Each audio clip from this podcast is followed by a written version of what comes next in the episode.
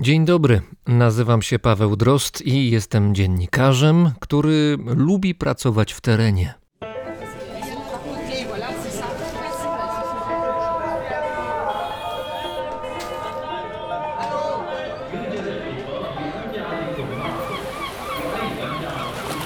Brzmienie świata z lotu Drozda. Pracować w terenie. Mało tu precyzji. W moim przypadku chodzi o te wszystkie aktywności, które mogę realizować wraz z mikrofonem, daleko od biurka i otoczenia, które daje się łatwo zorganizować. No tak jak teraz. Mikrofon na statywie, komputer podłączony, cicho jest, bo akurat sąsiad zrobił sobie przerwę w wierceniu kolejnych dziur w ścianie. Swoją drogą bardzo doceniam jego pracowitość, ale kiedy odpoczywa, doceniam ten stan nawet bardziej. Ale generalnie przy takich nagraniach jest łatwiej. Ale kiedy wychodzi się na zewnątrz i trzeba nagrać coś, nad czym nie da się od tak zapanować i oswoić, wtedy zaczynają się trudności. I to jest dobrze, bo umysł przestawia się na inny tryb działania. Jest szybszy, wielotorowy, bo trzeba na bieżąco reagować na sytuację. Pamiętam, że podczas rejsu antarktycznego, którego miałem przyjemność być częścią, zwykle kładłem się spać jako ostatni albo przedostatni. W ciągu dnia były nagrania, a późny wieczór i noc, gdzieś do drugiej czy trzeciej nad ranem, to był czas na montaż dźwiękowych relacji do trójki. I wielokrotnie bywało tak, że nad ranem e, prosto z koi wstawałem ze sprzętem i od razu zaczynałem znowu nagrywać. Rekord pobiłem chyba wtedy, to było gdzieś na początku całej wyprawy, gdy od obudzenia i złapania przeze mnie kontaktu z rzeczywistością do chwili naciśnięcia przycisku nagrywania w sprzęcie nie minęła nawet minuta. To było wtedy, gdy ekipa jachtu Selma, na którym płynęliśmy, zdecydowała się, że trzeba natychmiast uciekać z zatoczki, w której zablokowały nas góry lodowe. Akcja wtedy była błyskawiczna. No i nie ma wtedy możliwości, że reporter powie: Chwileczkę, panowie, tylko umyję ząbki, zjem jajecznicę i, no i wtedy możemy nagrywać, proszę bardzo. No nie, to reporter goni życie, a nie życie goni reportera. I oczywiście taki reporter musi się troszkę napocić, żeby to życie dogonić, ale to jest bardzo ciekawa i nagradzająca gonitwa, pod warunkiem oczywiście, że zakończy się dogonieniem tego króliczka, co nie zawsze jest pewne. Za takim króliczkiem biegłem w ubiegły weekend we wsi Kurozwęki, niedaleko Kielc. Tam zjawili się ludzie zimnolubni, w tym dwóch, których znacie już z drugiego odcinka Brzmienia Świata: Walerian Romanowski i Piotr Marczewski. Wtedy w drugim odcinku Brzmienia Świata opowiadali o swoich zimowych wojażach po Republice Sacha, po Jakucji gdzie po raz kolejny testowali możliwości swoich organizmów, jeśli chodzi o adaptację do temperatur rzędu minus 50 czy minus 60 stopni. Posłuchajcie koniecznie ich historii, jeśli jeszcze jej nie znacie. Naprawdę warto. Tym razem Walerian i Piotr poszli w tych testach, testach przeprowadzanych na własnych organizmach, znacznie dalej, mimo że wszystko działo się tutaj, w kraju. Dla mnie to była duża frajda, że mogłem przyglądać się z mikrofonem temu, co w Kuruzwękach się działo, a działo się sporo, o czym za chwilę się przekonacie. W drugiej części tego odcinka usłyszycie relację już gorącą, nie zimną, dotyczącą Tajlandii. Od marca w dotychczas obleganych przez turystów miejscach wiele się tam zmienia. Posłuchajcie. Zaczynamy. Duunista palaa aina illalla, ois tarkoitus himassa chillailla, mut sitä tiettyä hammasta kolottaa. Vituttaa ja päätäkin jomottaa, on aika soittaa naapurin alulle. Lähdetäänpä parille kaljalle, jukeboksiin kilahtaa lantti. Siellä laulaa hammat värin Antti,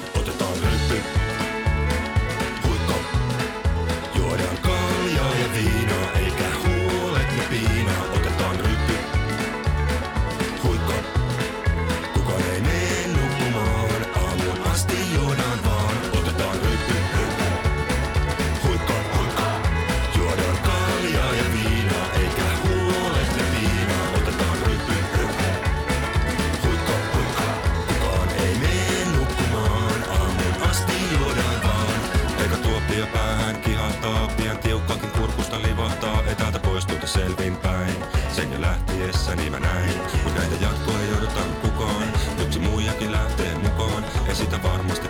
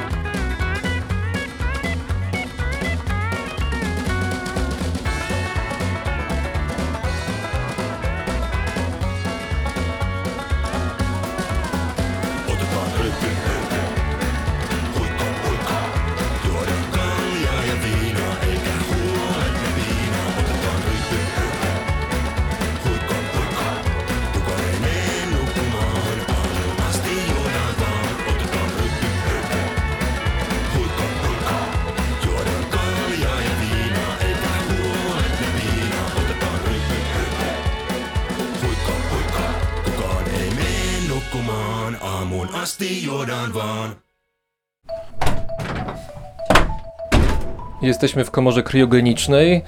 Jakoś tak ciepło tutaj, bo jeszcze nie jest wychłodzona. Już za chwilę będzie wychłodzona dosyć solidnie, bo do minus 170 stopni, tutaj się nie pomyliłem, minus 170 stopni.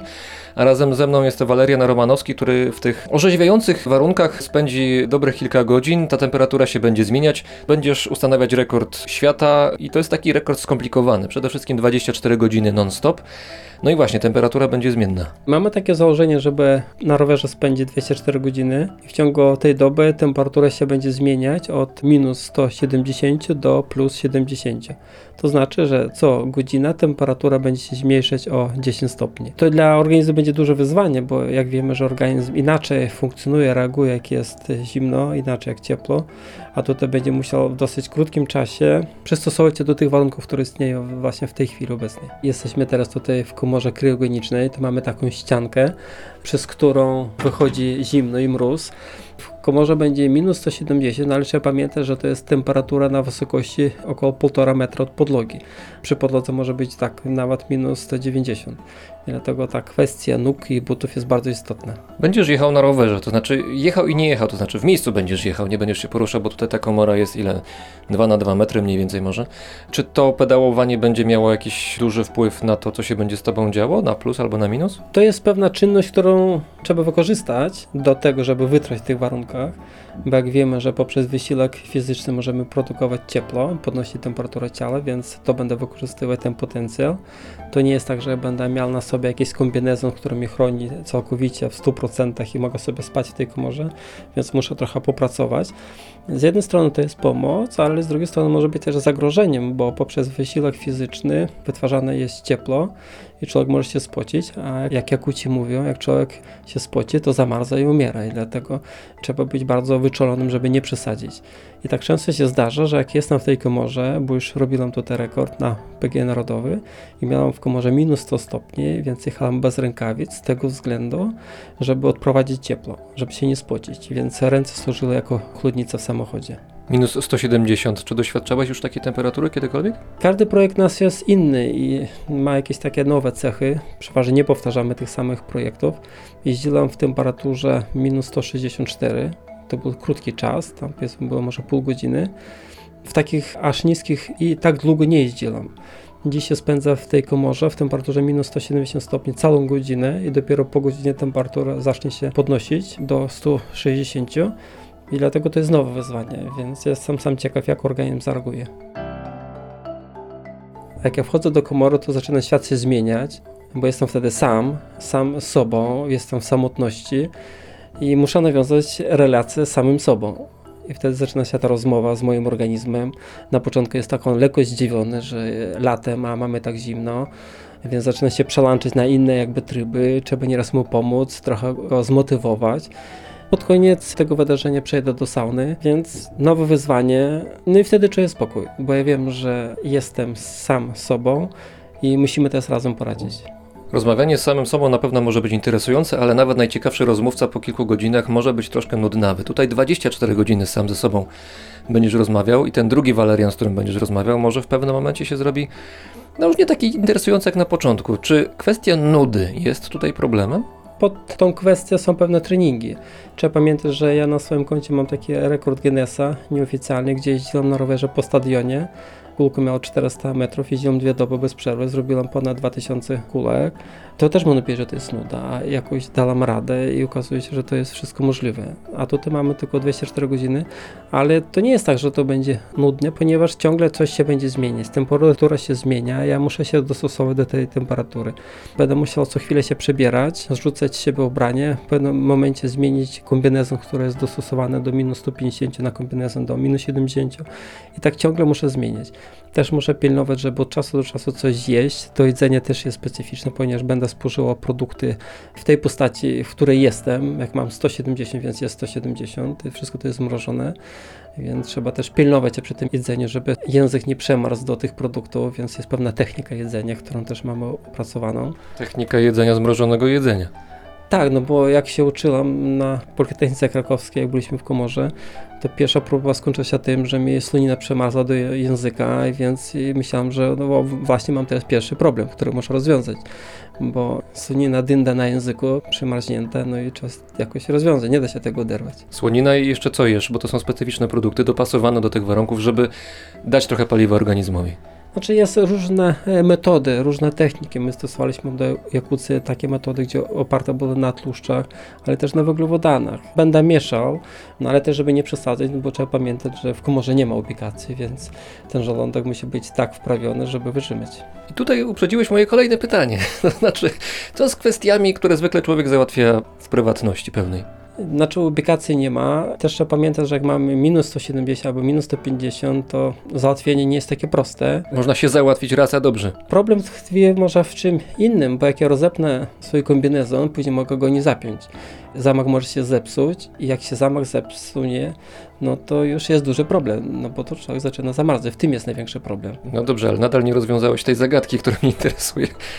Znaczy awaryjnie będzie też butelka, która będzie na poczekaniu, więc jak powiedzmy będzie trochę cieplej, powiedzmy tak minus 130, więc wtedy mogę sobie się odważyć z potrzebą do butelki, no bo wtedy jak się zepsuje zamek już nie jest tak zimno. Czy kiedy jesteś przed takimi wyzwaniami, przed biciem rekordów, przed robieniem rzeczy, które po raz kolejny przekraczają pewne granice, które wcześniej już przekroczyłeś? Czy śpisz noc wcześniej spokojnie, czy wręcz przeciwnie? Dzisiaj bardzo dobrze spałam, tylko ta noc była krótka, bo wiadomo, że trzeba wiele kwestii jeszcze dopiąć, naszykować, więc trwała tylko 5 godzin. Ale sen mam bardzo dobry, więc to nie jest tak, że to jest jakiś stres. Mi się wydaje, że po rekordzie też będę dobrze spał. Wiesz co, nie wiem czy doświadczasz, ale ja zaczynam się pocić w tej komorze krwiogenicznej w tej chwili, naprawdę to się robi gorąco. Ale nie ma problemu, za chwilkę będzie chłodniej.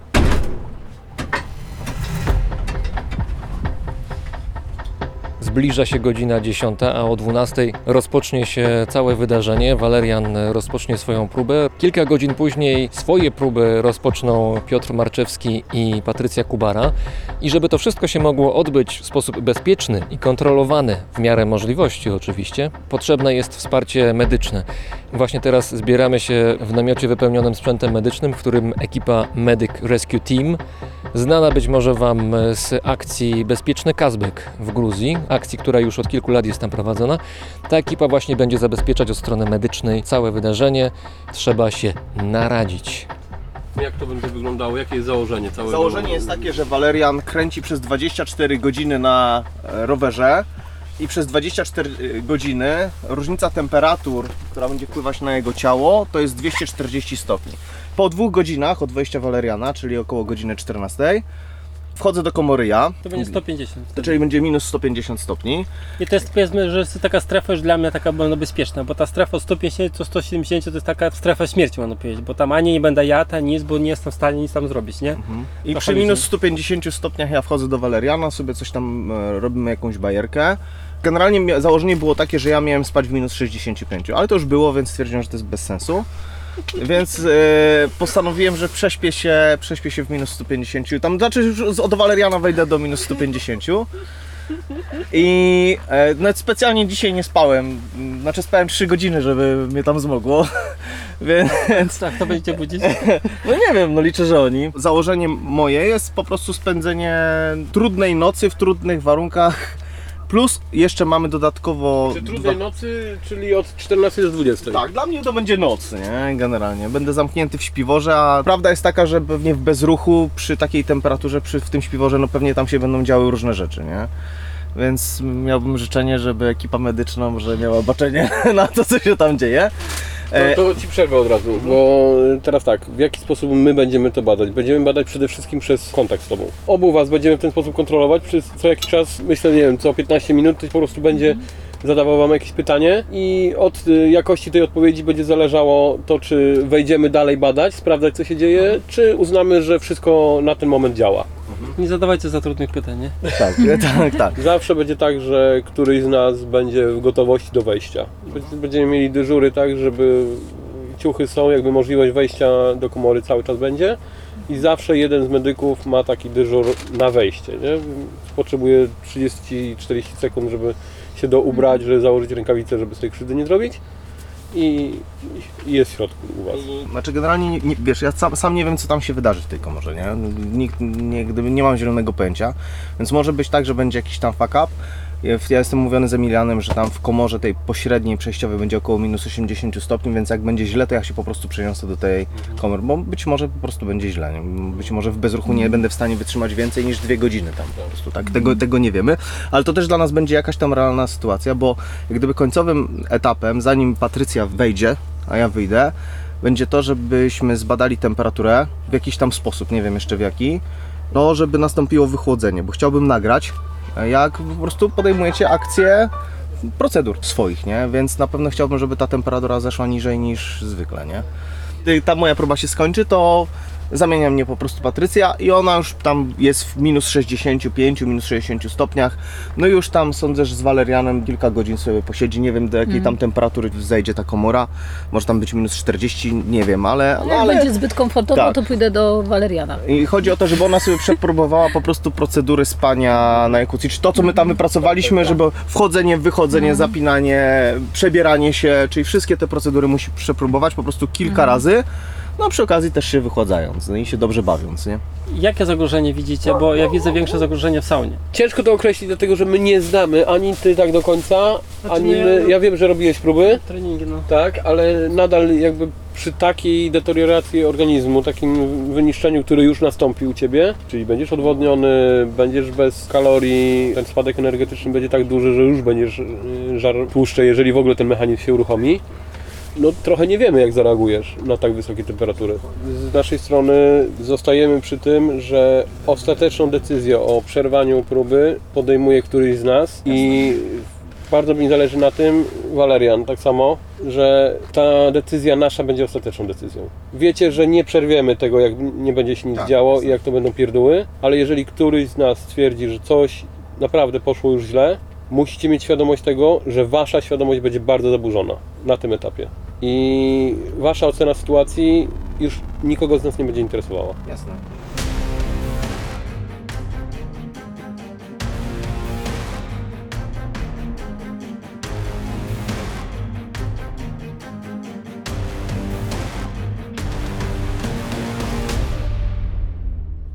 Nad głową niebieskie niebo, odrobinkę tylko parę chmurek widzę. 25 stopni co najmniej ma dzisiaj być w ciągu dnia. Mam na sobie krótki rękaw, sandały, no bo ciepło, ale nie wszędzie. Za chwilę ta kriokomora na kółkach, gdzie zamontowany został właśnie rower, będzie schładzana do minus 170 stopni. Gdy zaczynamy schładzać, tak tu jest głośno niestety, szkoda, że nie widzicie jak zimno opada. No i tyle z siłowni. Teraz czekamy aż się komara schłodzi. Do minus 170 stopni potrzebujemy ile czasu? Około dwóch godzin. Mamy taką nadzieję, że tak pójdzie w tym tempie. Jednak po dwóch godzinach okazało się, że upał i silne słońce ogrzewające kriokomorę stojącą na zewnątrz są tak silne, że osiągnięcie temperatury minus 170 stopni trwałoby zbyt długo. Zapada decyzja, że Walerian rozpocznie próbę od minus 165 stopni, a więc na końcu całej akcji w saunie będzie miał nie 70, ale 75 stopni. To nie jest dobra wiadomość, ale od przejścia z mrozu do upału dzieli go jeszcze wiele godzin. Przed wejściem do kriokomory Walerian ubiera się tylko w część odzieży zimowej. W innym wypadku spociłby się, co nie byłoby bezpieczne. Przechodzi do przedsionka kriokomory, gdzie temperatura wynosi minus 38 stopni. Tam dołącza do niego Piotr Marczewski, żeby pomóc mu się ubrać. Sytuację kontroluje Marcin Błeński, szef Medic Rescue Team. Zaraz będziemy Paweł się podmieniać z Piotrkiem. Razem z Walerianem będziemy wchodzić do środka, do komory już z przedsionka. Przy okazji zrobimy parametry. O, to już. Tak, Piotrek? Jeszcze, jeszcze, jeszcze, jeszcze, Dobra. jeszcze, już za chwilę ty Paweł, wejdziesz. ty jeszcze. Także po wejściu do komory sprawdzimy podstawowe parametry, które będą dla nas takimi parametrami startowymi, od których zaczniemy badanie, pomiary wszystkie. To będzie wasz punkt odniesienia. Tak, taki punkt odniesienia. Pozycja startowa, zobaczymy co się będzie działo dalej. Marcina, co się dzieje z oczami przy 170 stopniach? Znaczy w zasadzie nic się nie dzieje. My- Mity były takie, że zamarzną oczy, albo że jeżeli mamy wilgotną gałkę, no to z- zaraz zajdzie mgłą i zacznie się odmrażać. No nigdy nie zaobserwowaliśmy nic takiego. Czyli dzień jak co dzień? No nie, może bez przesady, ale no nie, no uważam, że to jest taki mit, który można powiedzieć, że jest obalony. Pracowaliśmy w minus 70 już wcześniej i po prostu nie było takich objawów.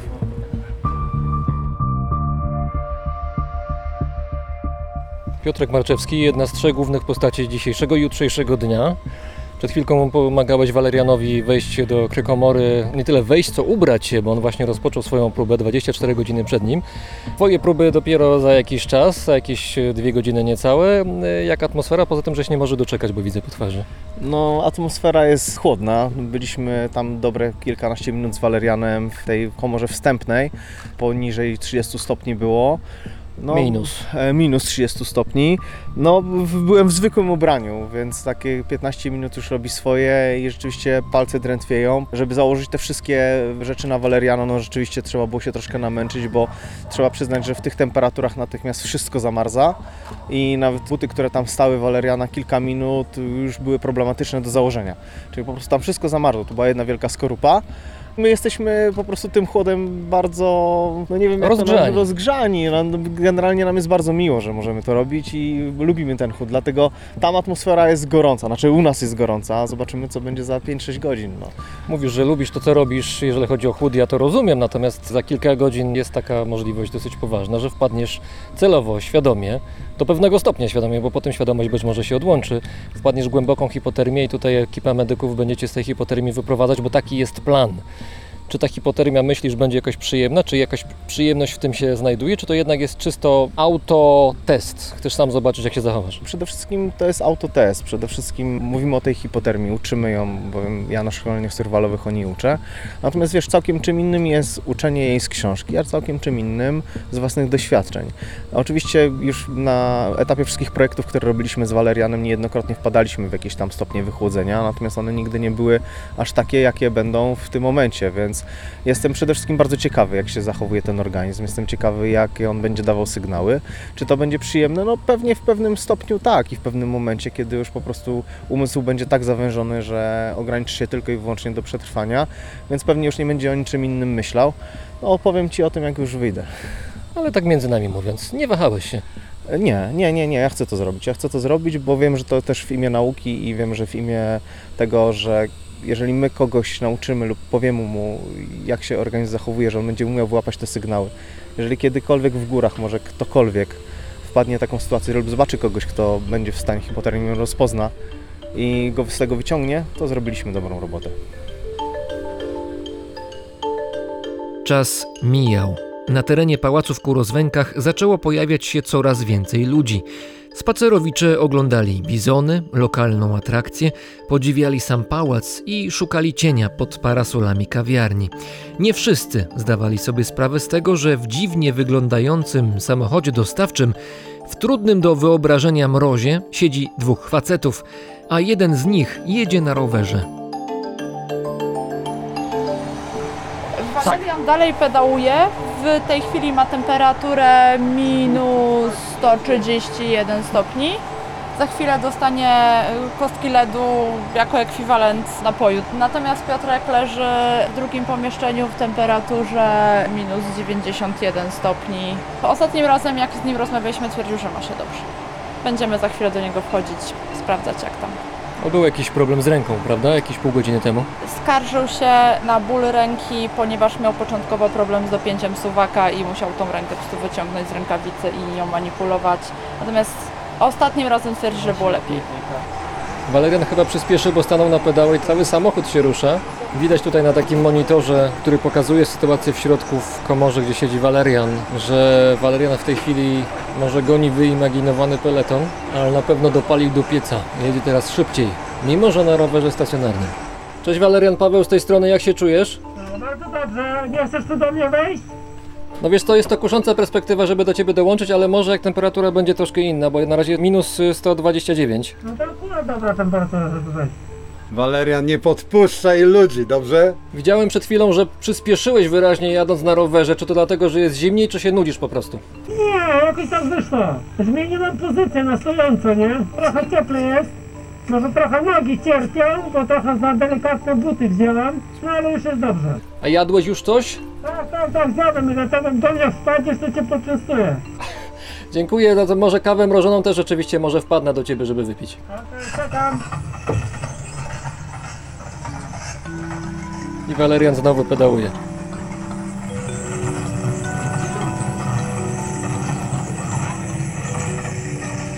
Hałas, który wydobywał się z roweru stacjonarnego, wydawał się rosnąć z godziny na godzinę. Powoli sylwetki jadącego Waleriana i leżącego na podłodze Piotra zaczynały być bardziej widoczne w gęstej jakby mgle potwornie niskich temperatur. W końcu nastąpił moment, o którym rano rozmawiałem z Walerianem. Walerian, chcesz jeść? Czy mamy ci coś przynieść? Nie, butelkę do sikania z dużym oczkiem i lód do picia. Okej. A jakie tam butelka miały być do sikania? Butelka taka, żeby się wysiurał, rozumiesz? Do jakiej byś się chciał wysikać? Na pewno nie do pociętej. O, o, świetla. I żeby jej nie wyrzucać, nie? Dobra, to kto wchodzi? Proste rzeczy stają się trudne w takich warunkach. Na przykład taka prosta rzecz jak wysikanie się. Komorze u Waleriana minus 128. W komorze wcześniejszej, tam gdzie śpi Piotr na podłodze, albo próbuje spać, minus 86 stopni w tej chwili. Wysłanniczka z ekipy Medic Rescue Team wychodzi. Jaka sytuacja u Piotrka? Stabilna bardzo. W dobrym humorze. Pytał, czemu nie ma nakrętki do butelki. Walerian. U Piotrka odczuwa ból nóg i odczuwa ból rąk, co dla nas jest objawem pozytywnym na ten moment. Bo jest czucie. Bo jest czucie. Występują u niego silne drżenia, co oznacza dla nas, że też jest w pierwszym stadium hipotermii i to też jest jeszcze pozytywne. Czyli jemu jest niemiło, ale to są dobre wiadomości. Znaczy jemu jest miło dla niego. W sensie on mówi, że jest fajnie. Także Minus 81 w tej chwili.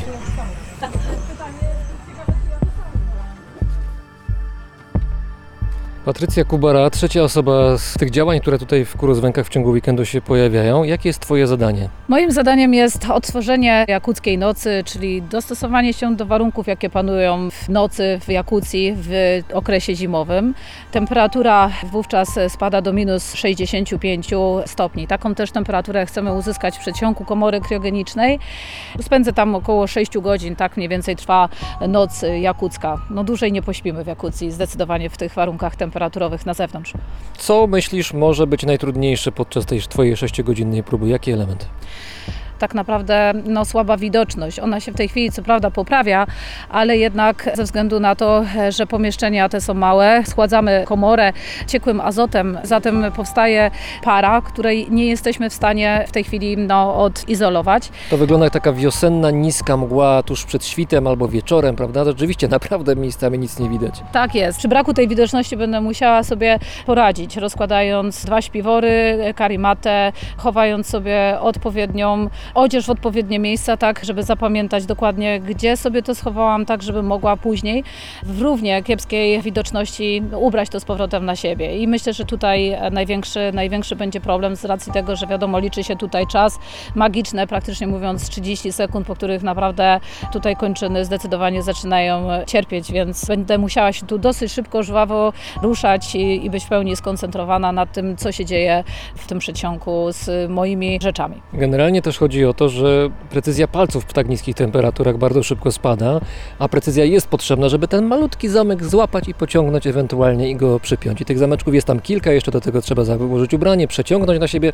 To brzmi jak banał w warunkach takich jak tu jesteśmy, ale tam banałem nie jest. Jesteśmy tak skonstruowani, że nasz organizm najmniej w tym przypadku potrzebne części ciała, a to są kończyny, nogi i ręce, no odcina od przepływu krwi, więc będę musiała tutaj no, skrócić ten czas wykonywania wszystkich tych czynności i starać się tak być skupioną, żeby te czynności wszystkie wykonywać na tyle precyzyjnie, żeby zdążyć je wszystkie wykonać w odpowiednim czasie bezpiecznym dla moich kończyn. Patrycja powoli przygotowuje się do rozpoczęcia swojej próby, ale wszystko się opóźnia. Najpierw kriokomorę musi opuścić przecież Piotr. W środku jest od 4 godzin. Próbuje celowo wejść w drugie stadium hipotermii. Bezskutecznie. Prośba z jego strony w ogóle jest taka, uważa, że się nie wychłodzi tam. Chyba ma rację, jak na to patrzę. Która jest godzina? 18 równo. Około 19.30, żeby mu dać znać, że jest ta godzina i on chciałby przejść do Waleriana. Jeśli to mu nic nie zmieni komfortu, to chce się rozebrać ze śpiworów i się wychłodzić. Lubię goście. Czyli co, pacjent złośliwy nie chce się wychłodzić do hipotermii głębokiej? Znaczy właśnie chce, tylko coś tu nie, coś tu nie działa. E, Jednak wychodzi ta jego odporność i jakby wytrzymałość temperaturowa, zapasy energetyczne, które trzymają go cały czas. Zobaczymy, no, daj, dajemy mu jeszcze trochę czasu. Ile tam ma temperaturę w tej chwili w komorze? 66 na minusie, A u Waleriana? 116 na minusie.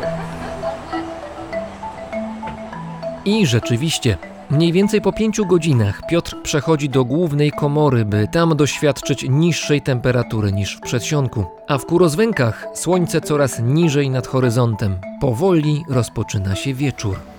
Temperatura teraz u Waleriana i u Piotra około 100 stopni. I tak jak się patrzy na ekran, to coś widać i można sobie wyobrazić, jakie te temperatury są, jak oddziaływują na człowieka, ale co innego oglądać przez ekran, a co innego zobaczyć na miejscu, więc wybieram się właśnie do środka.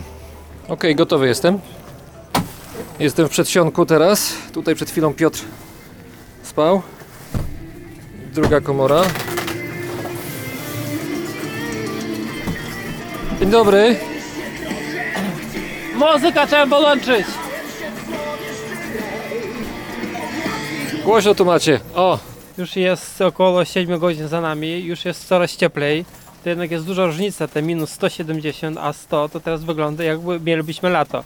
Ze mną w komorze również jest Piotrek Marczewski, który stara się wychłodzić, ale jak mu, jakoś mu słabo idzie. no Piotr wygląda trochę tak jak taka gąsienica, z której tylko coś e, wystaje, ale odrobinkę się trzęsiesz, mam wrażenie.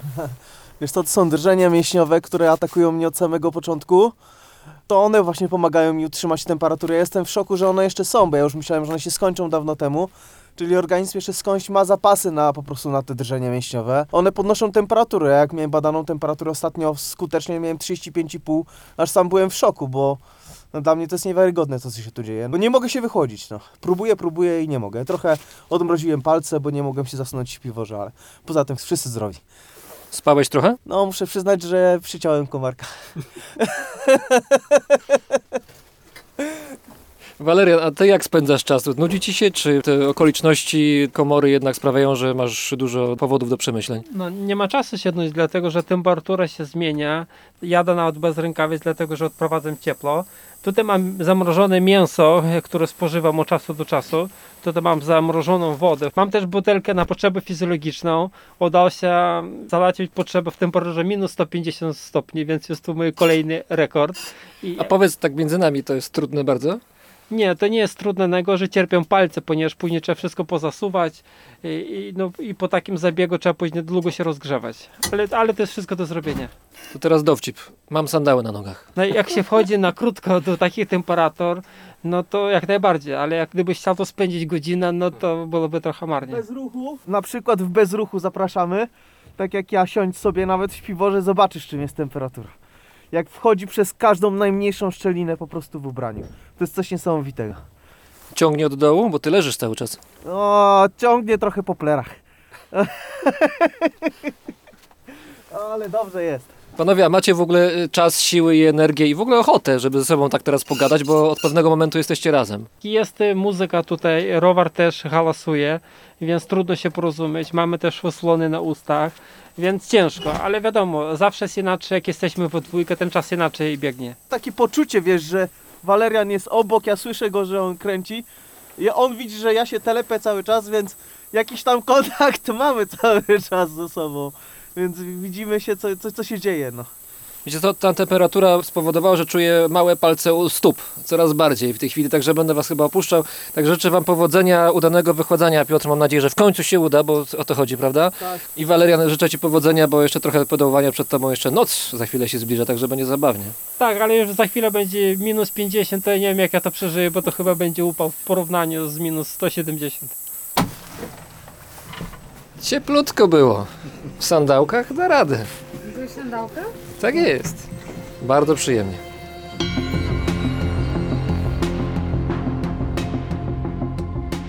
Dwie godziny później Piotr przerywa swoją próbę i wychodzi z kryokomory na zewnątrz, ale nie jest zadowolony. Nie wychłodził się tak, jakby chciał. Czuje się na tyle dobrze, że wychodzi o własnych siłach. Brawo!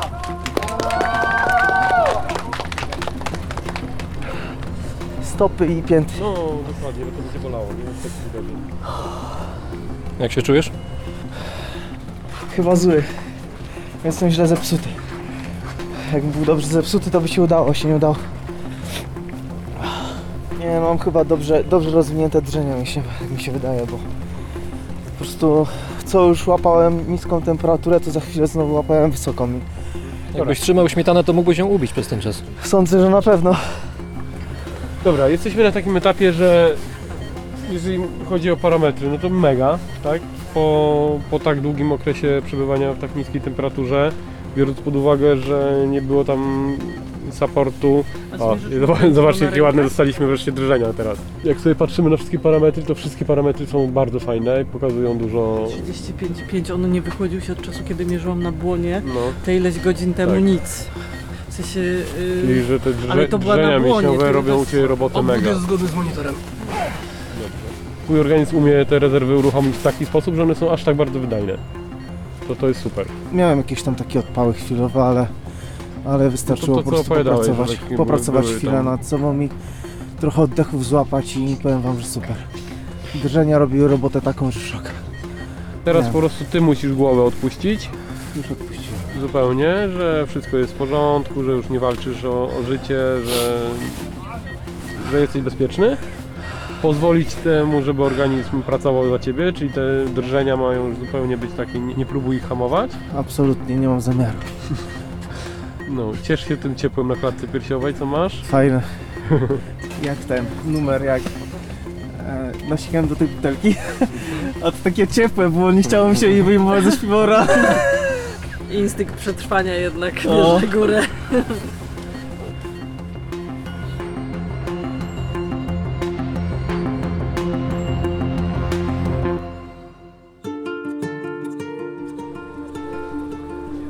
W Kurozwękach już noc, na niebie wielki wóz bardzo ładnie widoczny, podobno nawet kometa będzie dzisiaj też widoczna gdzieś w tej okolicy. Patrycja jest już w środku, dołączyła do Waleriana, jest godzina 22.01, temperatura minus 68 stopni, ale ta temperatura podniosła się tylko odrobinę teraz, w momencie kiedy do kryokomory weszła Patrycja i za chwilę znowu temperatura opadnie do minus 70 paru stopni. W takich warunkach Patrycja spędzi tam noc co najmniej 6 godzin. A poza kryokomorą w Kurozwękach temperatura myślę, że 21, 22, 23 stopnie. Ciepło, naprawdę można chodzić w krótkim rękawku, o ile człowiek odpowiednio zabezpieczy się przed komarami.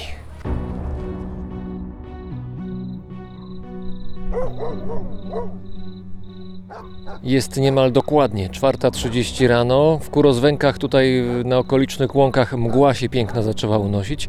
Już dawno po świcie, a z kriokomory wychodzi właśnie Patrycja Kubara po 6 godzinach. Super, wszystko poszło w sumie mówiąc po mojej myśli, ale no, trafiły się też takie sytuacje, których się w sumie mówiąc spodziewałam. Pewnego rodzaju komplikacji, może trochę błahych, może takich, o których chłopcy akurat nie poopowiadają, bo nie mieli takich problemów. No a ja jako kobieta jednak miałam, bo wchodząc do komory, no miałam założoną y, pieluchę. Te 6 godzin, 7, które były planowane, no trzeba było się jakoś tutaj zabezpieczyć. Nie miałam żadnego cewnika ani pojemnika. Tak, bo panowie mieli butelki. Panowie mieli butelki. No nastąpił taki kryzys. W pewnym momencie miałam potrzebę. No a tutaj mózg no, nie chciał pozwolić na to ani w pozycji leżącej, ani przykurczonej. No i taka była walka pomiędzy tym, co mózg wskazuje, a tym, co ciało dawało jednoznacznie do zrozumienia. Generalnie mówiąc, obydwa śpiwory nie były, ani ten pierwszy, który był zakładany, że nie będzie zasuwany, nie był zasunięty, a ten drugi też nie był zasunięty, z racji tego, że gdzieś w połowie mi się, no zamarzł mi po prostu ten zamek, nie byłam w stanie go do, dosunąć, a już czułam, bałam bałam się, że te palce po prostu mi e, no, e, zamarzną z racji tego, że no, ściągnęłam te pierwsze grube rękawice. Więc przez cały czas w pierwszym etapie pobytu w tych śpiworach tkwiłam e, w dwóch zupełnie nieszczelnych śpiworach, gdzie z lewej strony po prostu cały czas przy uchu mi zawiewało to naprawdę mega niskie powietrze i przez oko mi to tak przewiewało, ale starałam się jakoś tą swoją komorę ochronną utrzymywać w taki sposób. No ale wyjście z tych śpiworów było dla mnie za potrzebą. To przede wszystkim tu się też zmotywowałam, żeby wyjść. No i ten zamarznięty tak naprawdę zamek spowodował, że to wszystko szło zdecydowanie e, wolniej, więc postanowiłam wrócić z powrotem do śpiwora. No i tu miałam pierwsze odcięcie właśnie faktycznie dłoni i palca u stopy. No ale poradziłam sobie jakoś. Walerian do mnie doszedł dwukrotnie e, z racji tego zamka, z którym no, trochę sobie nie mogłam poradzić. Potem już wiedziałam, jak na niego dmuchać i jak sobie z tym radzić, żeby jednak on sprawniej chodził. Później e, po jakiejś chwili, no nie wiem ile to trwało, bo ciężko mi było kontrolować tutaj czas, ale e, później już fajnie było, bo się i ubrałam, trochę tam postałam, wychłodziłam się, spróbowałam tych mięsnych przekąsek zamrożonych i lodu, także wypełniłam myślę wszystkie swoje e, zadania no, w sposób taki, jaki umiałam i na ile pozwalały mi te możliwości. Kiedy było minus 25, no to się już na samym końcu rozebrałam do połowy, tak żeby jeszcze troszkę powiedzmy chwycić tego chłodu. Bym Wolała, żeby ta temperatura była jednak niższa w momencie, kiedy wychodzę, ale i tak jestem bardzo zadowolona.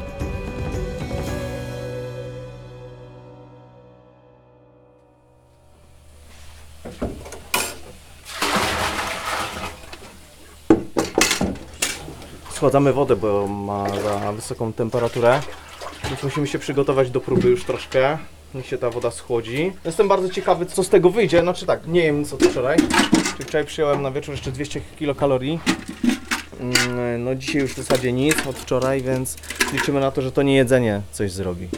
Że jednak spowoduje, że szybciej się będę w stanie wychłodzić. Chociaż tego nie wynik. No tak jak wczoraj to była zagadka. Zobaczymy, czy dzisiaj też będzie zagadka, czy może się uda osiągnąć zamierzony cel. Jak nie, to mamy jeszcze chłodnie. Tam jest tylko minus 20. Tak, ale jak wejdę mokry, to zrobi robotę.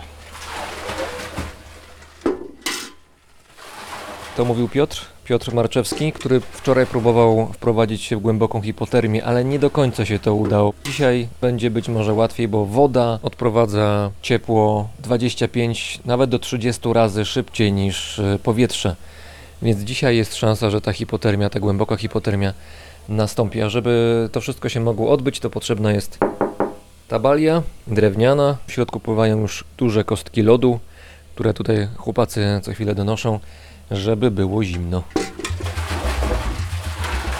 A 15 metrów obok, obok bali wypełnionej lodem, znajduje się sauna, w której z kolei pedałuje na rowerze stacjonarnym Walerian. Mniej więcej około 7-8 rano przeniósł się z kryokomory właśnie do sauny, bo przekroczona została granica 0 stopni i teraz Walerian będzie poddawany nie skrajnie niskim temperaturom, tylko skrajnie wysokim. W finale temperatura w saunie, tam gdzie będzie pedałował, na samym końcu 24-godzinnej próby ma wynosić 75 stopni plus 75 stopni. W tej chwili temperatura w saunie w środku 40 stopni. Tak pedałuje teraz Walerian.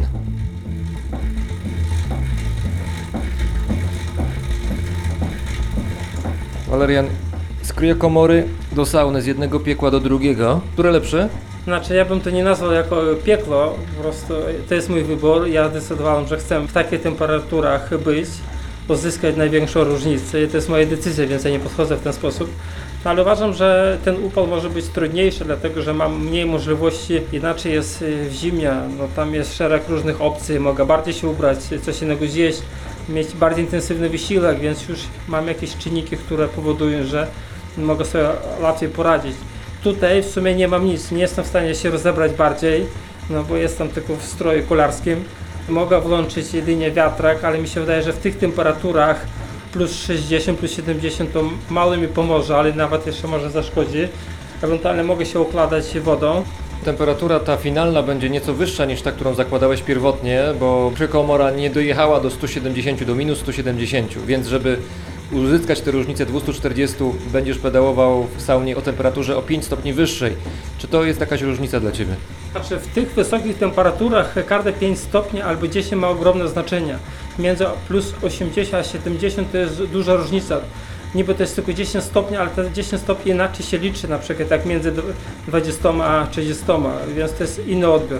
Owszem, ja miałem takie treningi, w których trenowałem w dosyć krótkim czasie na temperaturze plus 80 stopni, ale wiadomo, że wtedy nie byłem aż tak zmęczony, wycieńczony mrozem i nie spędziłem kilka godzin jeszcze przedtem w saunie w wysokich temperaturach. Były treningi, organizm jest wstępnie przygotowany, ale jeszcze nic nie wiadomo, jak to się skończy. Wiesz co, ja wsadziłem tylko głowę tutaj do środka na minutę, dwie, tak sobie rozmawiamy i już zaczynam być spocona. Ty wyglądasz w ogóle jak młody Bóg. Widzę, że nawet jeszcze się nie pocę, więc w pewnym sensie to jest dobra oznaka, że ten organizm ma jeszcze potencjał, żeby uruchomić, więc on czeka na te temperatury wyższe. Tak to interpretuję i mam nadzieję, że tak będzie to wszystko funkcjonować.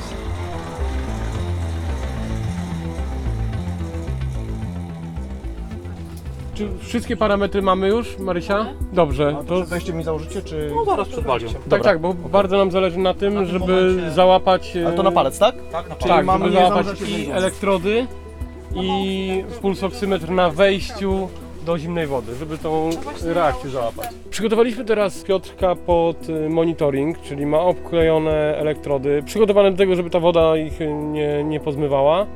Elektrody pozwalają nam go monitorować pod względem kardiologicznym. Dodatkowo ma założony pulsoksymetr i to są takie parametry, które teraz na wejściu będą dla nas, zmiana tych parametrów, która będzie dość, dość gwałtowna, będzie dla nas też takim czynnikiem pokazującym adaptację organizmu do zmieniających się warunków. Będziemy widzieć mniej więcej trend tak zwany. Dobra, potrzebuję tutaj jakiś, jakiś faworycik. Przynajmniej cztery. Są cztery. To jest... Tak? Dobrze. Piotr jest już w Bali, a razem z nim mnóstwo kostek lodu. Cel jest taki, żeby się wychłodzić ponad miarę. 25 minut od wejścia, temperatura 35,2 mierzona na błonie bębenkowej. Tętno 96, takie pływające między 94 a 100. A temperatura wody to troszkę zależy w którym miejscu, no ale teraz 5 stopni. Jakie masz porównanie do tego, co było wczoraj? Mm, więc czuję, że ten lód robi robotę. Z drugiej strony, wiesz, to jest też tak, że no zmęczenie już robi swoje. Nie o to chodzi, żeby tu siedzieć godzinami, tylko o to chodzi, żeby przeprowadzić eksperyment. Mm, Ale to też jest fajny eksperyment ze względu na to, że mm, człowiek, który nie je i nie ma kalorii, jest pozbawiony. Zobaczymy, jak szybko ucieka z niego temperatura, no bo gdzieś te kalorie i gdzieś to się skończy w pewnym momencie, nie? Więc nie będzie sił może na drżenie mięśniowe. A jak nie będzie sił na drżenie mięśniowe, to założony efekt zostanie osiągnięty. Drżysz cały czas. O tak, cieszę się. Jestem ja i woda i tyle. I kostki lodu. Mega ma problem. Ale to będzie to, że jak cię wyciągniemy, będziesz, nie będziesz miał władzy w nogach prawdopodobnie w ogóle. To jest to, co pamiętasz, u- było Waleriana, jak Mhm. e, robiliśmy to dwa lata temu. I rzeczywiście przy powrocie będzie pewnie bolało. W sensie mięśni, nie? Ile tam mamy na monitorze od włączenia? Godzina 6. Ale jest gorzej niż było, prawda? Stopy tylko. Stopy. Stopy i nogi. Jesteś w stanie ten lód z za pleców zabrać?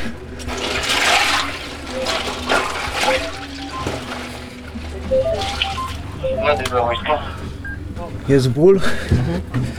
W momencie, kiedy staram się ruszać palcami, dosyć mocny. Powyżej kolan jest skurcz już.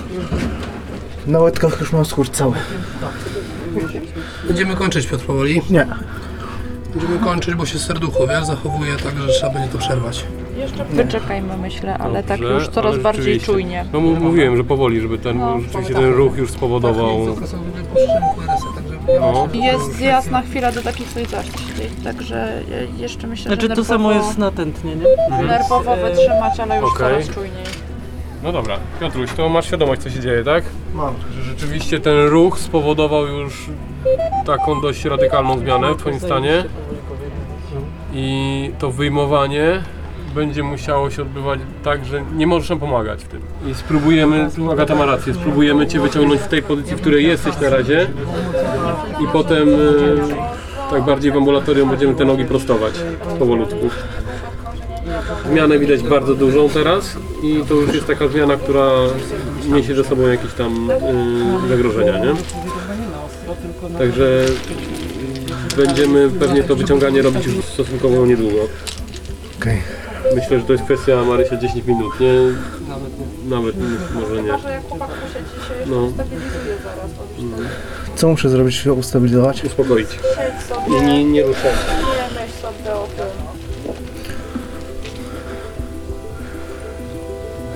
Godzina 8 od wejścia na ten moment. Dobra, ten termometr nam pokazuje low. Jest teraz jakby poza za, zakresem termometru, czyli teoretycznie tam te 34 z kawałkiem.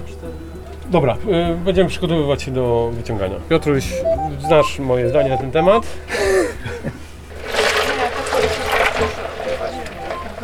Dobra, i wyjeżdżamy.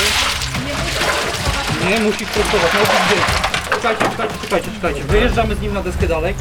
Dalej, dalej, dalej, dalej. Ktoś do dźwigania jeszcze może podnieść. Poprosimy jeszcze Poprosimy jakichś facetów silnych. Nie prostuj, nie prostuj, zostaw. Dobra, Trzymaj Wojtek, to tak za, za, za to. Dobra, wyżej, wyżej, wyżej, wyżej deska, wyżej, wyżej deska. Dźwignijmy go delikatnie i wysuniemy deskę. Tu- Tym, którą stronę chcesz? mnie, Deskę w dół. miejsca. Dobra. Ciągnij deskę. Elegancko.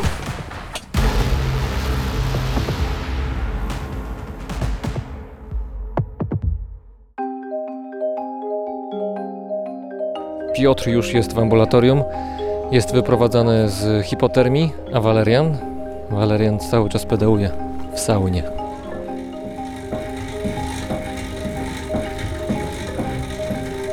W tej chwili no mówi, że jest ciężko, bo jest gorąco, natomiast no, głównym czynnikiem, na, o którym tutaj myślimy, znaczy właściwie dwóch, to są odwodnienie i przegrzanie organizmu, więc musimy to kontrolować cały czas.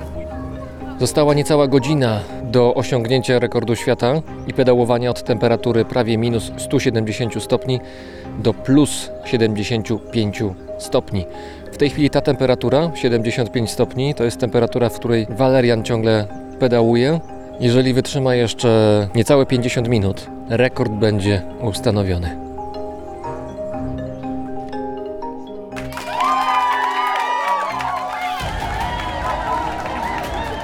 I Walerian wychodzi z sauny po 24 godzinach pedałowania. Pomimo, że chyba jest około 30 stopni teraz na dworze, a tak wygląda jak było być 10, całkiem inny odbiór tego ciepła, porównując teraz do sauny, gdzie było drugie tyle. Wiadomo, że jest ulga. Niższe temperatury, mam nadzieję, że też szybko się zregeneruje. Zdobyliśmy nowe doświadczenie. Nigdy nie byliśmy w tych strefach, jeszcze połączonych tych temperaturach i w dodatku jeszcze w takim długim czasie dobowym.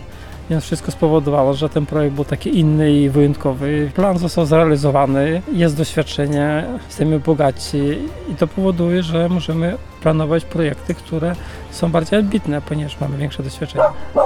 Nie wiem, czy są kryokomory, które zjeżdżają poniżej minus 200, także trzeba będzie poszukać tego. No ale zawsze do komory można wejść bez ubrań, w samych kąpielówkach i to już jest atrakcyjne. Gratulacje. Dziękuję.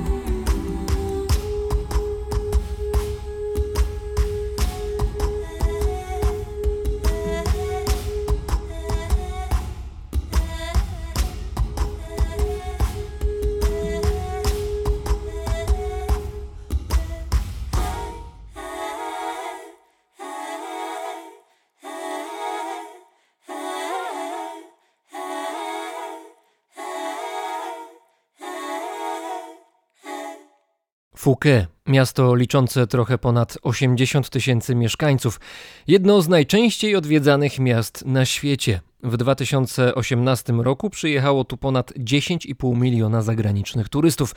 Tym samym Fouquet wyprzedziło takich gigantów turystyki jak Rzym czy Tokio. Phuket to miasto w Tajlandii, ale też wyspa. Jedna z czołowych firm turystycznych w Polsce pisze o tym miejscu tak. Ma najlepszą infrastrukturę turystyczną i regularnie przyciąga tłumy turystów. Na dwudziestu kilku pięknych plażach znajduje się kilkaset hoteli i resortów plażowych w różnej klasie. Do tego mnóstwo tu barów i restauracji oraz sklepów. Phuket słynie z intensywnego życia nocnego. Tak czytamy w sieci, ale jest to opis głęboko nieaktualny. Razem z nami jest Amadeusz Sarnecki, który niedawno wrócił z Tajlandii, by wkrótce znowu tam pojechać. Dzień dobry, witaj. Dzień dobry, cześć, witam wszystkich. Dla ciebie Phuket i Tajlandia nie są już tylko ciekawymi miejscami gdzieś w Azji Południowo-Wschodniej. to powoli zaczyna być y, twoje drugie miejsce na ziemi. Skoro twoja druga połówka, twoja dziewczyna, jest Tajką i oczywiście w tej chwili jest w Tajlandii. Phuket nie jest już tym samym miejscem, którym było na początku roku. Wszystko zmieniło się w marcu i to zmieniło się bardzo szybko. Tak, to zaczęło się wszystko w marcu. Był to szybki proces, można tak powiedzieć. Po zamknięciu granic liczba ludzi na ulicach sukcesywnie się zmniejszała i było to widać gołym okiem, czy to w dzień, czy wieczorem. Wcześniej na ulicach większość ludzi to byli ludzie z innych krajów, głównie turyści. Teraz powiedzmy 95, 90, może trochę więcej procent to już są Tajowie wszędzie na ulicach, ponieważ no, te granice zostały zamknięte. Zostały tak naprawdę osoby, które są jakoś z Tajlandią związane, czyli albo mieszkają tam, albo mają swoje rodziny, bądź też jakieś swoje biznesy, więc tylko oni tak naprawdę tam zostali w Tajlandii. Powodem całości zamieszania jest po prostu koronawirus, pandemia. Dokładnie. Natomiast przyczyniło się do tego wprowadzenie tych wszystkich restrykcji, które tam zostały wprowadzone, typu godzina policyjna. Początkowo był też zakaz przemieszczania się pomiędzy miastami, czyli każde miasto było zamknięte, gdzie przy każdej drodze wyjazdowej był ustawiony checkpoint z policją i tak naprawdę bez żadnego wyraźnego powodu typu dojazd na lotnisko czy dojazd do szpitala nie można było z danego miasta wyjechać. Były tylko samoloty w jedną stronę, można tak powiedzieć. Wlecieć już nikt nie mógł, bo oni dość szybko zamknęli te granice. No i teraz, gdybym był mieszkańcem Phuket, który od kilkunastu, jak nie kilkudziesięciu lat jest bombardowany wizytami turystów, no to może nawet bym się trochę ucieszył, bo wreszcie jest oddech, wreszcie jestem w stanie przejść w tych najbardziej znanych miejscach, nie przeciskając się w tłumie, ale no to nie jest tak, że, że ta radość jest długa, albo w ogóle, że jest, dlatego że ci turyści mieli ze sobą portfele. W tych portfelach były pieniądze i duża część tych pieniędzy pozwalała ludziom na miejscu w Tajlandii generalnie, ale szczególnie w tych miejscach najbardziej turystycznie znanych, typu Phuket na przykład, pozwalała przeżyć. Ten rejon, szczególnie ten rejon Tajlandii jest w dużej większości oparty tylko i wyłącznie na turystyce. Nie ma tam innego przemysłu, nie ma tam rolnictwa, też nie widziałem jakichś fabryk. W większości powiedzmy te miasta, czy to stolica tej prowincji, czy wszystkie te ościenne miasteczka, oparte są na turystach. Nawet te słynne kluby Muay Thai, czy inne rzeczy, wszystko jest to zrobione pod turystów. Cała ta wyspa, można tak powiedzieć, ta prowincja jest typowo nastawiona na turystów, więc na początku ja odniosłem wrażenie, że oni sobie nie zdają sprawy z tego, co w długoterminowej perspektywie czasu jakie to będzie miało dla nich skutki, bo na początku rzeczywiście, gdy to zostało zamknięte, oni, można tak powiedzieć, nie tyle, że ucieszyli się, co nie przejmowali się tym bardzo. Stwierdzili, ok, będziemy chwilę sobie, tak jak powiedziałeś, odpoczniemy od turystów, pozwiedzamy sobie te miejsca, też natura trochę odżyje, bo wiadomo, że to będzie mniej śmieci, mniej imprez, mniej muzyki, no bo też ten rejon słynie, z, można tak powiedzieć, tego życia nocnego, więc stosunkowo duża część tych mieszkańców nie przejmowała się skutkami. Natomiast powiedzmy po tym pierwszym miesiącu, gdy te obostrzenia zostały przedłużone i już tam rząd powiedział, że może nawet do końca roku nie będzie nowych turystów, więc każda tak naprawdę osoba czy rodzina jest jakoś powiązana z tym rynkiem turystycznym. Plus na przykład osoby, które pracowały gdzieś tam w hotelach, czy w spa, czy nawet coś sprzedawały na ulicy, bo tam jest e, bardzo popularny ten street food, więc każdy, kto gdzieś tam pracował, odczuł to, czy został zwolniony z pracy, czy gdzieś wysłany na jakiś urlop bezpłatny, te obroty zaczęły spadać, więc po pierwszych tygodniach już było widać zdecydowany spadek jakości życia i też już było widać w ich oczach taki strach po prostu, że no jednak tracą to główne źródło przychodów. No i dobrze, i co się działo dalej? Jeżeli pojawia się refleksja, że w moim domowym budżecie jest coraz mniej pieniędzy, perspektyw na zarobki, w związku z tym, że nie ma źródła zarobków, czyli nie ma turystów, nie będzie w najbliższym czasie. I co się dzieje dalej? Jak reagują ludzie w tym momencie? Tam ludzie bardzo sobie pomagają. Jak jest trudna sytuacja, to ludzie się jednak jednoczą, więc tam pierwszym symptomem było to, że ok, jeżeli ktoś miał jakieś oszczędności większe, bądź był osobą bardziej zamożną, a na przykład jego rodzina, czy ktoś z rodziny był osobą bardzo biedną, gdzieś tam pracował jako, powiedzmy, pracowała osoba jako sprzątaczka gdzieś tam, czyli zarabiała bardzo mało, no to te osoby czy rzucały się pieniężnie, czy jechały na zakupy, kupywały dla tej osoby, nie wiem, tam ryż, jakieś podstawowe produkty i po prostu jej dostarczały. Czyli pierwszą rzeczą, którą zauważyłem, no to było takie wsparcie siebie, czyli pomoc pomiędzy tajami dla siebie. I też tutaj nasza akcja, można tak powiedzieć, zaczęła się od tego, że właśnie u rodziny mojej dziewczyny zebraliśmy pieniądze, no i uzbieraliśmy jakąś tam sumę, za którą kupiliśmy po prostu składniki i przygotowaliśmy te 200 posiłków, które gdzieś tam później zostały rozdane. Trzeba powiedzieć wyraźnie, na czym ta akcja polegała. To znaczy, polegała na tym, żeby zorganizować rozdawanie posiłków na ulicy tym, którzy tego potrzebują. I teraz wiem, że skala zapotrzebowania, czyli liczba osób, która się pojawiła tam na miejscu, zaskoczyła Was wyraźnie i jednocześnie liczba tych osób wskazuje na skalę w ogóle problemu jako takiego, to znaczy problemu, który się nazywa brak jedzenia. Tak, pozwolę sobie takie coś dodać, że każdy sobie z nas zdaje sprawę, że gdzieś tam na świecie ludzie mają problem z jedzeniem, ale jednak gdy się zobaczy na własne oczy, no to to wtedy chwyta za serce, gdy na przykład zaczęliśmy rozdawać właśnie te pierwsze 200 posiłków, które z własnych środków przygotowaliśmy i też własnymi rękami, własną pracą to wszystko zostało przygotowane gdzieś tam na zapleczu domu.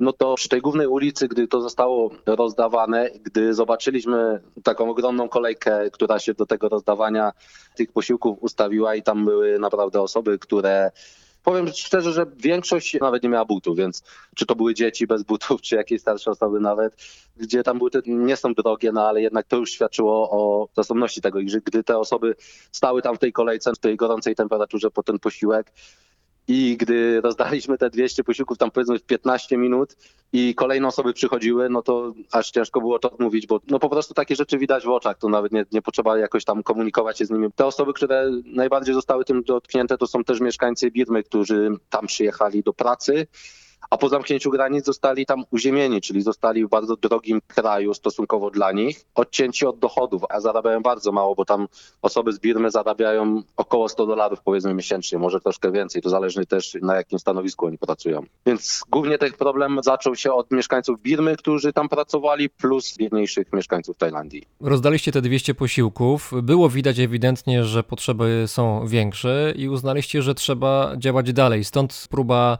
skuteczna zresztą zebrania pieniędzy w Polsce. Znajomych nawet wiele zaczęło się pytać po prostu, w jaki sposób mogą wesprzeć taką akcję, no bo gdzieś tam wrzuciłem nawet te zdjęcia na swojego Facebooka prywatnego, czy na jakieś inne media społecznościowe i po prostu wiele osób wśród moich znajomych pytało, gdzie możecie wpłacić, no bo też te zdjęcia tych osób, które naprawdę no, nie mają pieniędzy na posiłek czy na posiłek dla dzieci, ich chwytały za serce. I tutaj siostra rzuciła ten pomysł, żeby po prostu założyć taką zbiórkę i tak to się rozpoczęło. Teraz jesteś w Polsce, ale na miejscu jest twoja, można powiedzieć, druga połowa. Związałeś Tak. się z Tajką, ona się teraz zajmuje może to jest złe słowo biznesem, ale no zajmuje się tą waszą właśnie działalnością. Wkrótce, bodaj we wrześniu, prawda, masz zamiar wrócić do Tajlandii i znowu Tak, się włączyć w tak. te akcje. Jaki jest stan w tej chwili faktyczny na Fuke, jeżeli chodzi o konsekwencje ekonomiczne koronawirusa? To znaczy od marca Minęły 4 miesiące właściwie, bo jak rozmawiamy teraz, to jest końcówka lipca, to już trochę czasu minęło. Światełko w tunelu raczej jeszcze nie jest widoczne. Problem się zaczyna pogłębiać, zaczyna się zamieniać w kryzys. Sytuacja wygląda tak, że na szczęście takich akcji jak nasza jest sporo teraz, przynajmniej w tej miejscowości, w której mieszka moja dziewczyna, mówi, że takie akcje odbywają się teraz cyklicznie i czy to są organizowane przez jakieś lokalne firmy z Tajlandii, czy poprzez zagraniczne osoby na przykład, które tam mieszkają, bo też ze Szwajcarii jest jedna akcja, z Niemiec, Australii bodajże i jeszcze z paru innych krajów też są takie zbiórki organizowane. No i tak naprawdę nikt nie wie, kiedy zostanie otworzona granica i kiedy wszystko wróci do normalności. Na pewno już teraz przewidują, że po tym kryzysie kilka dobrych lat będą się odbudowywać. Na początku mówiłeś o tym, że tam nie ma właściwie na przykład rolnictwa, co wydawałoby się tak. nawet naturalne w Tajlandii, gdzie wydaje się, że człowiek rzuci parę ziarenek ryżu na polu i generalnie po dwóch, dwóch tygodniach, trzech ma kilkanaście worków ryżu. Ale to tak nie jest właśnie akurat na tej wyspie. Ale czy jest szansa na to, żeby się jakoś przebranżowić? Próbują, oni próbują. Wiem, że pomysł rządu Tajlandii jest taki, żeby się przebranżowić na tak zwaną turystykę medyczną. Natomiast wątpię, żeby to przynajmniej w 10% im zrekompensowało, a poza tym taka pomoc, takie przebranżowienie nie da nic takim, można powiedzieć, przeciętnym ludziom, którzy pracowali do tej pory w tym przemyśle, czyli pani, która sobie postawiła jakąś budkę przy drodze i sprzedawała powiedzmy kurczaka z grilla i w większości sprzedawała go turystom, no to teraz ma problem. Czy pani, która pracowała jako kucharka w restauracji, czy może miała jakąś swoją knajpę? Tajlandia i Phuket generalnie to jest miejsce, które dla ciebie jest miejscem już nie takim anonimowym, jak było jeszcze pewnie z pół roku temu albo dalej. Czy już jesteś obywatelem Tajlandii w głowie? To znaczy, czujesz się, że jesteś częścią tej społeczności i w związku z tym jesteś za nią współodpowiedzialny? Jak to jest? Tak, Tajlandię traktuję jako swój drugi dom. W kraju żyję tylko z lokalnymi osobami, więc można tak powiedzieć, wiem jak to wygląda wszystko od tej strony prawdziwej, bo niestety turystyczne resorty, jeżeli ktoś pojedzie do hotelu pięciogwiazdkowego, który jest zamknięty w tym rejonie, nie dowie się dużo o lokalnych mieszkańcach, o lokalnych problemach, o ekonomii, o wsparciu, o kulturze nawet. Oni żyją bardzo chwilą, lubią, można tak powiedzieć, żyć z dnia na dzień i tutaj to już był ich pewien problem, ponieważ nie planowali, nawet nigdy nie przewidywali takiej sytuacji. Tak jak mówimy, oni są wiecznie uśmiechnięci, natomiast też często ten uśmiech gdzieś tam jest taką maską, no gdzieś tam no wiele z nich też ma jakieś tam problemy, no jak każdy zresztą. Mówiłeś wcześniej, że na początku pandemii w Tajlandii zadziałał impuls społeczny, to znaczy ludzie zaczęli się wspierać nawzajem, tam gdzie oczywiście mogli, na tyle na ile mogli. Ale minęło parę miesięcy od początku pandemii, i w takiej sytuacji nawet ci najbardziej zasobni też powoli, myślę, zaczynają widzieć dno w swoich portfelach.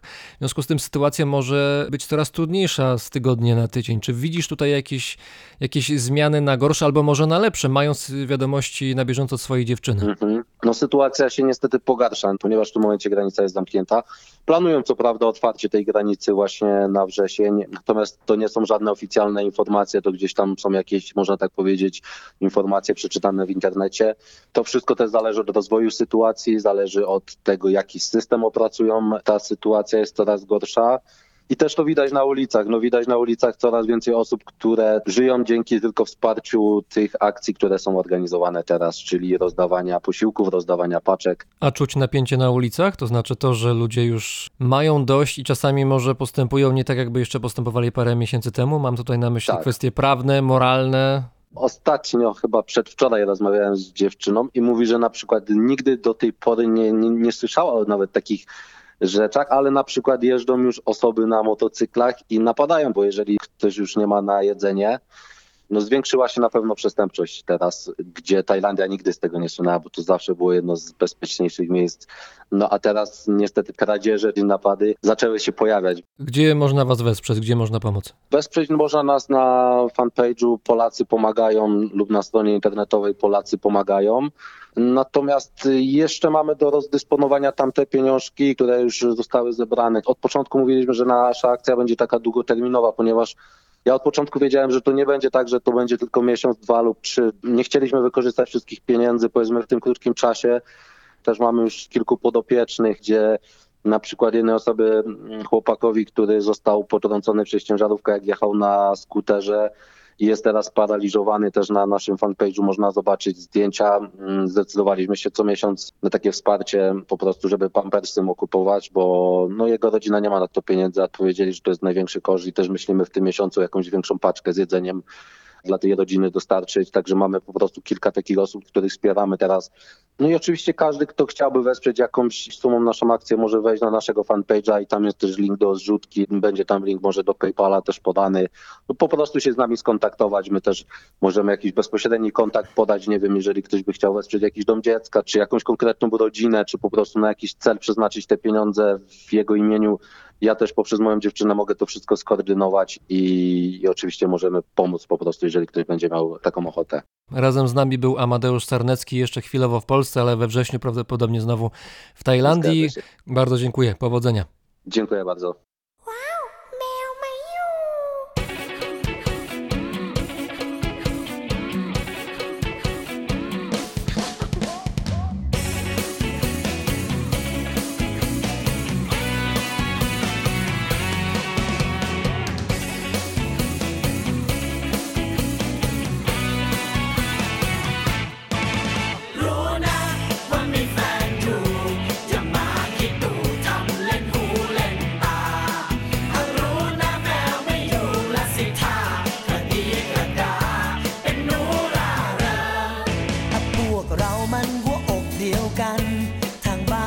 ดันทุกวันทุก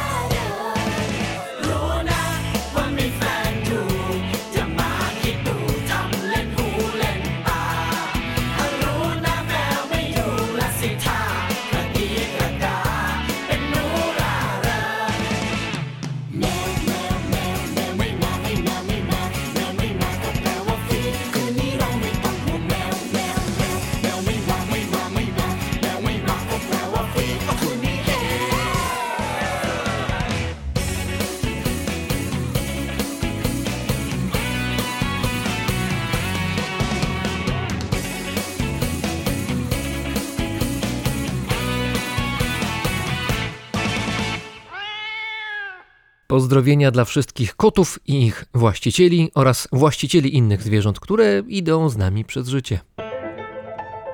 Słuchaliście 14 odcinka Brzmienia Świata z lotu Drozda. Dziękuję za Waszą obecność oraz za wsparcie myślą, słowem i uczynkiem na Patronite. Realna pomoc, której od Was doświadczam, sprawia, że mogę dalej pracować i czasem nawet wchodzić w sandałach do komory, gdzie jest minus 100 stopni. Z mikrofonem, rzecz jasna. Bądźmy w kontakcie mailowo, facebookowo, instagramowo i w każdej innej postaci. Paweł Drost, czyli ja, mówi Wam dobrego dnia.